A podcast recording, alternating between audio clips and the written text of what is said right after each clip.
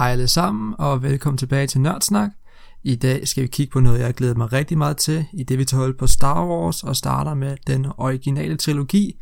Og jeg har glædet mig sindssygt meget, fordi jeg også bare er kæmpemæssig Star Wars-fan. Næsten siden jeg kunne se og forstå, tv har Star Wars noget, der har fyldt utrolig meget for mig. Og ja, så det, det har glædet mig virkelig til det her. Og altså det, der bare er med Star Wars, det er, det er jo en revolutionerende serie af film, både teknologisk også, hvordan man ligesom fortæller historie i sådan noget fremtidsuniversagtigt, selvom det jo næsten det er i fortiden. Men stadigvæk, det er bare en meget, meget bestemt form for film, som jeg glæder mig utrolig meget til at kigge nærmere på.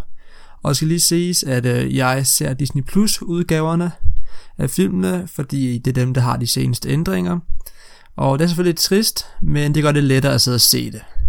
Og øh, jeg har selv 2004 udgaverne af originaltrilogi DVD'erne, vil jeg helt klart kan anbefale, jeg synes de er bedre, der er der ligesom lavet nogle ændringer på de originale film senere hen, som jeg personligt ikke helt er særlig stor fan af. Men ja, lad os prøve at komme i gang. Men lige inden, noget jeg gerne pointere, når jeg går i gang med Star Wars, er da, man kan godt se, at George Lucas, han originalt bare skrev én film, som ligesom indkapslerer alt det, der sker i episode 4, 5 og 6, som så blev til med introduktionen af The Prequels. Men her kan man godt se, at der er en, kronologisk historie man igennem, og det vil vi så gå nærmere med senere hen. Og til sidst, altså John Williams, han er nok en mand, der har revolutioneret filmmusik, synes jeg. Altså, hvordan han ligesom kan føre et helt orkester ind i en film, og fuldstændig får hårene på armene overalt til at rejse sig i en eller anden scene, hvor han bare giver den max gas, og det, ja, vi vil komme ind på det senere, men ja, lad os starte med Star Wars, den originale trilogi. Så okay, vi starter med episode 4, Et nyt håb.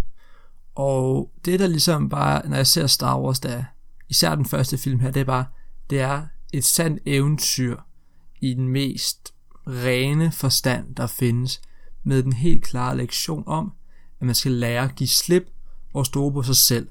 Og det ser man mod slutningen, da Luke ligesom slår al teknologien fra, og vælger at sigte med at bruge kraften og stole på, at han har evnerne til det. Og ligesom det, der er moralen med Star Wars, i hvert fald den første film her, at man skal ligesom bare lære at give slip på det konventionelle og stole på sig selv. Og det synes jeg, sted, det er jo en god historie, men noget jeg rigtig godt lide at kigge på, det er, at den her er en, for måde, på en måde en meget romantisk rumfilm.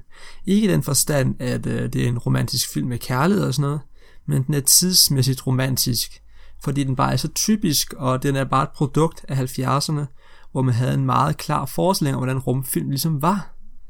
Altså, den minder meget om for eksempel James Bond, Moonraker og Star Trek, som jo kom frem nogenlunde i samme periode.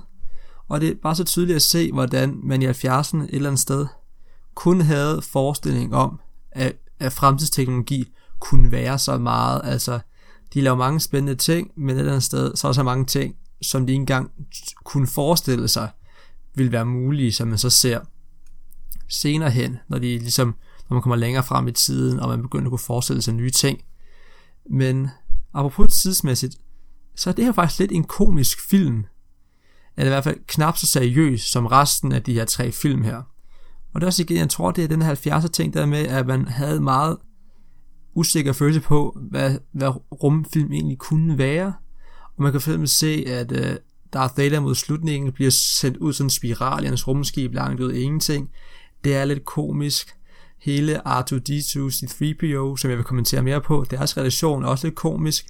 Og man kan se, hver gang, når folk bliver skudt med de her rayguns, så falder det altså meget dramatisk og skriger og sådan noget. Det er, det er lidt øh, komisk på en måde, men jeg synes egentlig, det er okay, og resten af serien skærer meget det der væk, og gør det hele sjovere. Altså, man kan godt se, at der er sådan, hvordan Stormtrooperne selv opfører sig, det er sådan lidt, øh, det er bare se, at de stubler over hinanden, og den ene han banker hovedet op i kanten af sådan en dør der, det var sådan lidt, altså det er jo, det er jo meget sødt et eller andet sted, man kan bare se, at det er et meget stærkt produkt fra den tid der. Men Arthur D2 og C-3PO er nok mit yndlings filmpar, eller i hvert fald deroppe af. Fordi de har bare den her helt unikke, perfekte relation, som jeg bare er vild med. Altså, C-3PO, han er lidt den voksne af dem, eller i hvert fald, han opfører sig som det, og der er det, man tror, fordi han rent faktisk er den eneste af dem, der kan snakke. han disser hele tiden Arthur og siger, du skal ikke gøre det og det og det. Arthur er lidt, lidt mere vilde af dem. Så bare sådan virkelig, om han er lidt ligeglad, og bare er meget fokuseret på at gøre det, han ved, at han skal gøre, og så kan folk sige lige, hvad fanden de har lyst til. Og de hjælper altid hinanden, og selvom 3PO disser ham, så er han så også altid bare sådan, pas på dig selv, og sådan og sådan og sådan. Og de er begge to meget sassy over for hinanden, altså selvom man ikke kan forstå, hvad R2-D2 siger, så har man en fornemmelse af, bare sådan lidt siger, fuck dig, altså du skal ikke bestemme over mig, og det, det, det elsker jeg, det jeg synes bare, det er, det er lidt sødt et eller andet sted, og jeg er virkelig vild med det. Men lige en ting, jeg vil kommentere på, som jeg er virkelig vild med den film, at den gør, det er, den her film er et rigtig godt eksempel på god eksposition og verdensopbygning, især for et univers, der er så anderledes, end det vi normalt for, går og forestiller os. Også derfor er jeg synes, at selvom det her det ikke er den kronologiske første film, så skal man rent faktisk starte her. For når man kigger på The Prequels, så bygger de jo op omkring, at dem, der går ind og ser de film, de har jo viden fra de originale Star Wars film. Og derfor bruger de ikke så meget tid på verdensopbygning, fordi de tænker, folk, der ser en øh, film her, kender godt universet. Og derfor så synes jeg rent faktisk, at man skal starte med episode 4, og det giver også mening med nogle af de dramatiske elementer, der bliver brugt i alle seks film. Men I skal følge mig, så hvis man gerne vil have den gode introduktion til Star Wars som univers, så kan man rent faktisk starte her, se episode 3, nej, undskyld, se episode 4, 5, 6, og bagefter se episode 1, 2, 3. Men det vil vi snakke mere om, når vi tager fat i The Prequels senere hen. Luke, som jo er hovedpersonen i den film her, han er et prime eksempel på en relaterbar hovedperson, og man kan godt se, at George, han rent faktisk skrev øh, Luke Skywalker ud af sit eget perspektiv. Det var en karakter, han selv kunne identificere rigtig meget med, fordi Luke, han er en karakter, der meget klassisk går fra en tryg og kedelig øh, hverdag, til at miste sine fosterforældre, altså, og så til at skulle sig ud i den nye verden og blive en held. Og George har sagt, at den scene, hvor Luke står på Tatooine og kigger ud over The Twin Sons og står og overvejer hele sin fremtid, det er nok hans yndlingsscene i hele serien, fordi den kapsulerer ligesom hele historien i den første film her. Men man står der, og skal til at tage et meget drastisk valg, ligesom kan indflydelse på hele ens fremtid, og det er skide vigtigt, og det er skide godt, og jeg jeg kan godt forstå det. Det giver rigtig god mening. Og så lige, ikke for at slutte på negativ noget omkring den film her, men altså CGI-ændringer, i bund og grund er jeg okay med det, hvis det bidrager til at få filmen til at se bedre ud. Det er bare så enkelt nederen, når man begynder at ændre på ting rent historiemæssigt. Altså, nogle af de mest sådan, kendte eksempler, det er jo Greedo vs. Hon inde på Mos Eisley Cantina, hvor i det originale cut, der skød Hon bare Greedo, fordi altså, det gider han ikke bruge sin tid på. Men fordi man ikke rigtig kan have en held, som øh, ligesom bare skyder folk i koldt blod eller sådan noget, så har man valgt seriøst at få Greedo til at skyde Han Solo splitsekundet før, hvor Han, han så med computerteknologi lige rykker hovedet til siden sådan der, og det, bare sådan, det ser så forfærdeligt ud.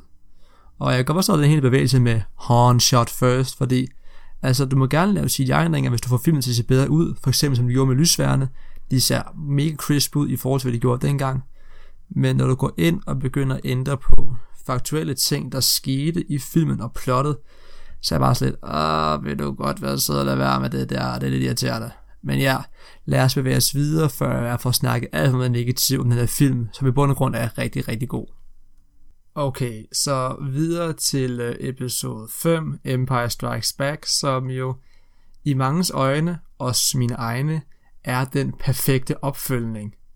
Altså både altså i form af karakterudbyggelsen, ligesom bare kommer så naturligt her. Altså mange øh, har det med, når de laver en tur, så skal de udbygge det totalt. Og det gør de ikke her.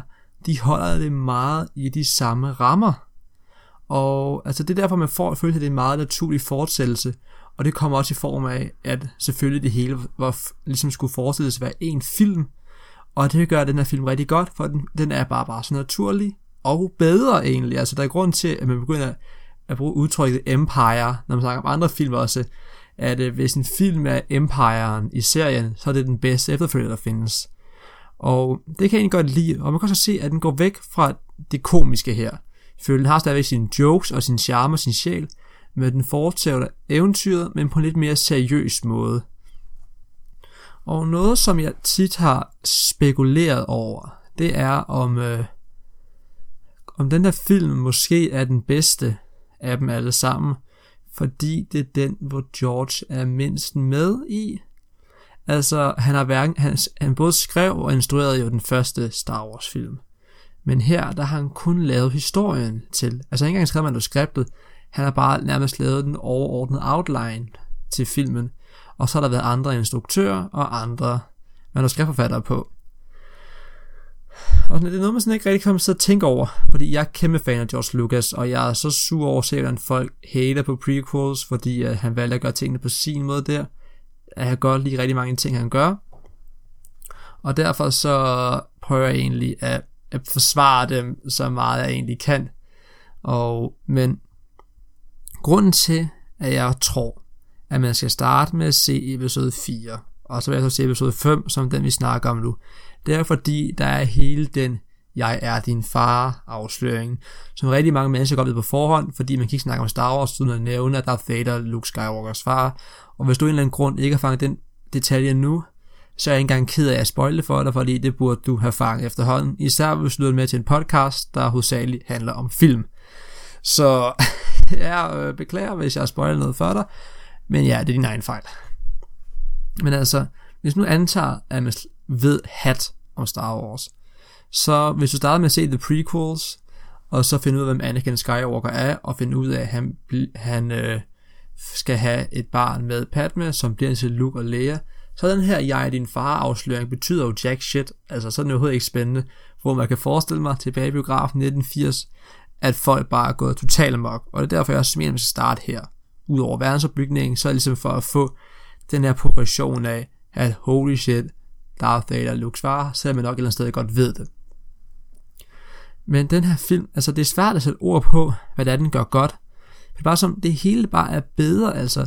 Og øh, den føles egentlig meget som øh, det her midterstykke. Altså man snakker om, at øh, en film jo har opbygning, eksplosion, så har den midterstykket, og så har den til sidst afslutningen. Og fordi at de her tre film ligesom først var ment som en film, så kan man godt mærke, at hele episode 5 her føles som det her midterstykke her. Selvfølgelig har den intro, midterstykke og outro inde i sig selv, men et eller andet sted, så føles det som om, at den her film, den bare er hele en lange konfliktfase, det hele filmen går ud på, at imperiet slår igen, og derfor er rebellerne konstant på flugt, og der, er hele tiden noget galt, og de er hele tiden ved at tabe, og det er egentlig meget karakteristisk for hele den her midterstykke fyldt med forhindringer og udfordringer, som hovedkaraktererne skal igennem. Og på hovedkarakterer. R2-D2 er en helt. Jeg er fuldstændig ligeglad. Altså, han er nok en af de mest ukendte helte. Det kan godt være, at der er Jedi og der er andre seje karakterer. Men mængden af shit, som R2 går igennem for at redde dem hele tiden. Altså, han er en person, der ikke rigtig har et ansigt, og han kan heller ikke snakke, og alligevel så formår han at stjæle showet, og som øh, Freebie også siger til ham, du skal ikke til at være en held nu, men han gør det, og han er en af de helte, som ikke lægger mærke til er der, men han redder dem konstant, og det synes jeg er fedt, altså, der er den her lille astrodroide, som de kalder dem, der bare kører rundt på sine tre hjul og redder dagen, sådan lidt i baggrunden egentlig, og det, det er egentlig ret sjovt og fedt at se. Og øh, så lige øh, til sidst her, altså, noget af film, som jeg synes går rigtig godt, det er den måde, den ligesom vælger at udbygge og komme dybere indsigt i, hvad er kraften. Og det er jo særligt med introduktionen af Yoda, efter at øh, Alec Guinness' karakter Obi-Wan Kenobi, øh, var lavet livet i den anden film, kommer godt nok tilbage som de her kraftspøgelser, jo, som også er en meget fed udviklet, sådan udvidelse af universet, men den måde, som Yoda ligesom sidder der, som den her meget lille skikkelse, der ikke ligner nogen kriger af nogen art. Han er bare sådan en lille trold af en art, der render rundt med sin stok og knap nok kan gå. Og alligevel så sidder han der, og han er egentlig bare beviset på, at størrelse er ikke det, der betyder noget. Det er visdom og indsigt og evnen til at kunne tro på tingene.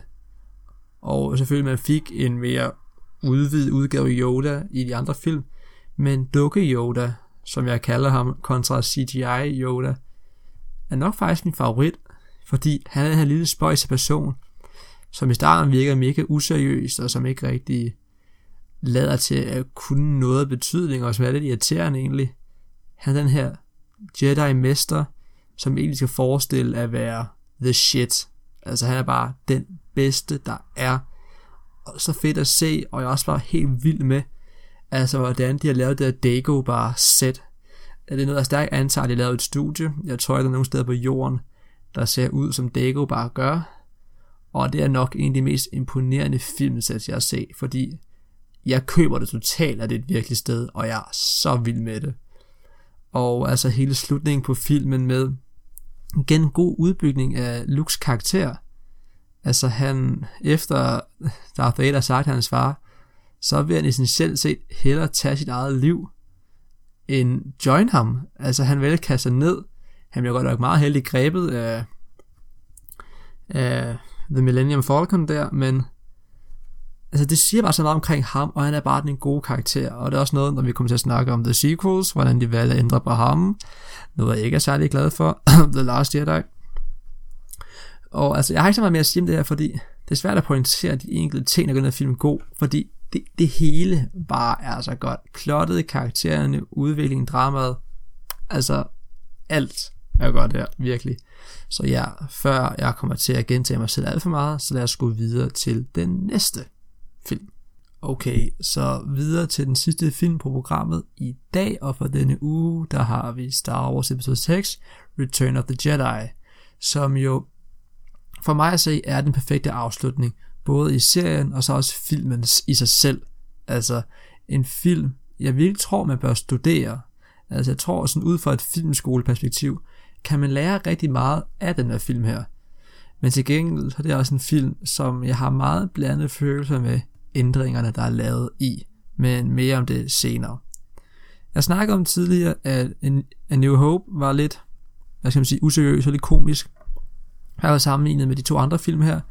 Og øh, så kommer jeg til at tænke på, når jo, Ewoksene fra episode 6. Ja, jeg har det meget blandet med dem. Altså, de er søde nok, og man er, de er der for at sælge legetøj og så videre. Men skal de bedste tropper, som kejseren selv siger, at de er virkelig tabe til et par bamser? Altså, jeg ved godt, man får den her følelse af, okay, den, den, the underdog vinder ligesom, fordi de forsvarer deres hjemplanet, yada, yada, yada. Men det føles bare lidt malplaceret, de gør det. De kunne nok, de gør det, man holder med dem, og underdoggen vinder altså noget.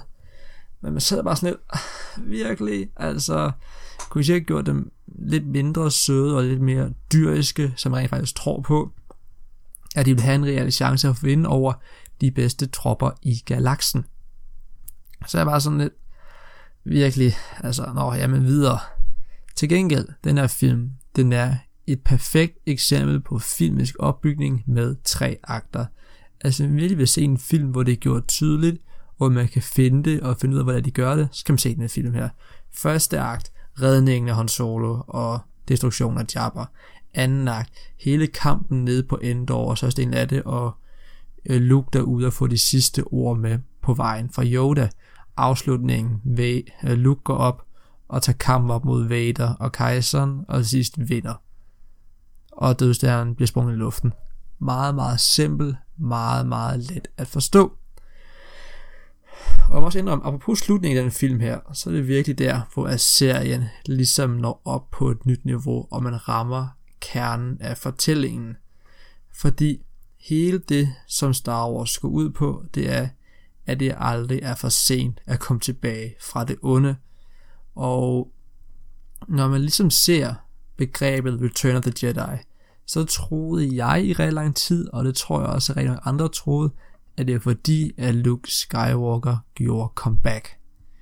Og det er måske også det mest åbenlyse del af det, men sådan som jeg ser det, og som andre også forklarer for mig, og som George også selv er ved at sige, det er, det er ikke Luke, der laver return. Det er Anakin Skywalker, der besejrer Darth Vader og bliver til Anakin igen, og det sidst redder hans søn. Og det vil vi snakke mere om, når vi også går ind i The Prequels, fordi de udbygger ligesom den her mytologi rigtig godt og grundigt, synes jeg. Men kernen af historien er jo, at Anakin Skywalker kommer tilbage og redder sin egen søn. Det er det, vigtige er vigtigt at få med her. Altså i den store historie omkring Star Wars, der er det jo ikke øh, Luke, der er hovedpersonen, der er det Anakin. Hele, det er ud på, at Anakin har sin opstand som Jedi, og så falder til den mørke side, og genopstår og redder sin egen søn. Det er det, Star Wars bund går ud på. Det er familierelationen, og det er, at det aldrig er for sent at gøre det rigtige. Og Luke han egentlig bare ham, der sådan skal udløse det. Det er ham, der ligesom skal sætte tingene i gang og gøre sådan, at Darth Vader bliver til Anakin igen. Og så vil jeg gerne kigge på slutscenen her. Eller i hvert fald derhen af hen mod slutningen. Fordi der er en scene, som jeg er så voldsomt sur over, at jeg valgte at lave ændringer på, fordi jeg som sagt så Disney Plus udgaven af det her. Da kejseren står og har indset, at Luke ikke kan vendes til den mørke side, beslutter han sig for at dræbe ham, og det gør han med at stå og støde ham, indtil det meningen så skal dø af det til sidst. Og det gør han også lang tid, og man kan bare se, at Luke ligger og skriger i smerte og så videre. Det er rigtig hårdt at se. Og man kan bare se, at der står der siden af, amputeret med den ene arm efter kampen mod Luke. Og han står bare der og ser på. Det man så har valgt at gøre i ændringen er, at inden han tager og smider kejser ned i skakten, som vi ved, at han gør til sidst, så står han og begynder at sige sådan, no, no, og sådan noget.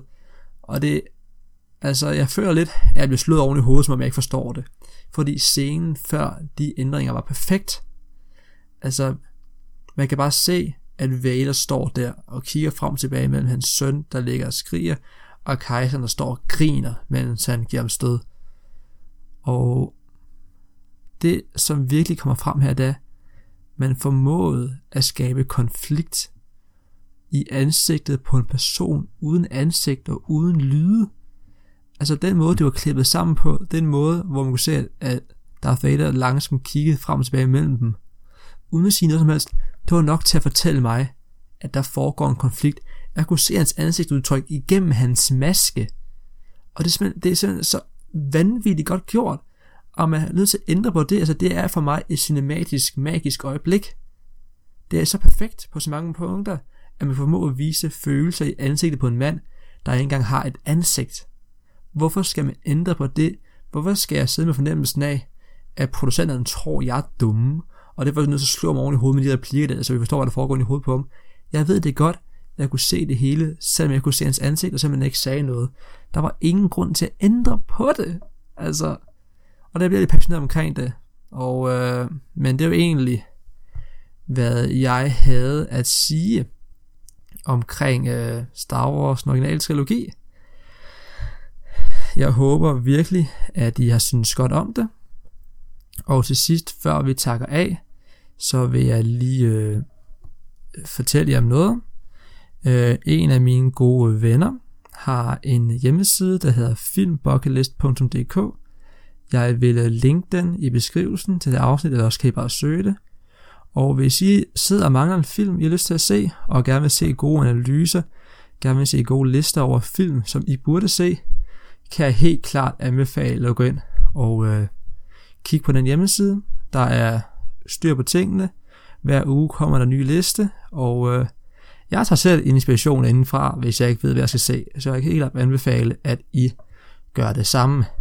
Men ja, det her, jeg har lyttet til Nørdsnak. Mit navn er Mads Nørgaard, og jeg håber, at vi ses, eller lyttes med igen i næste uge.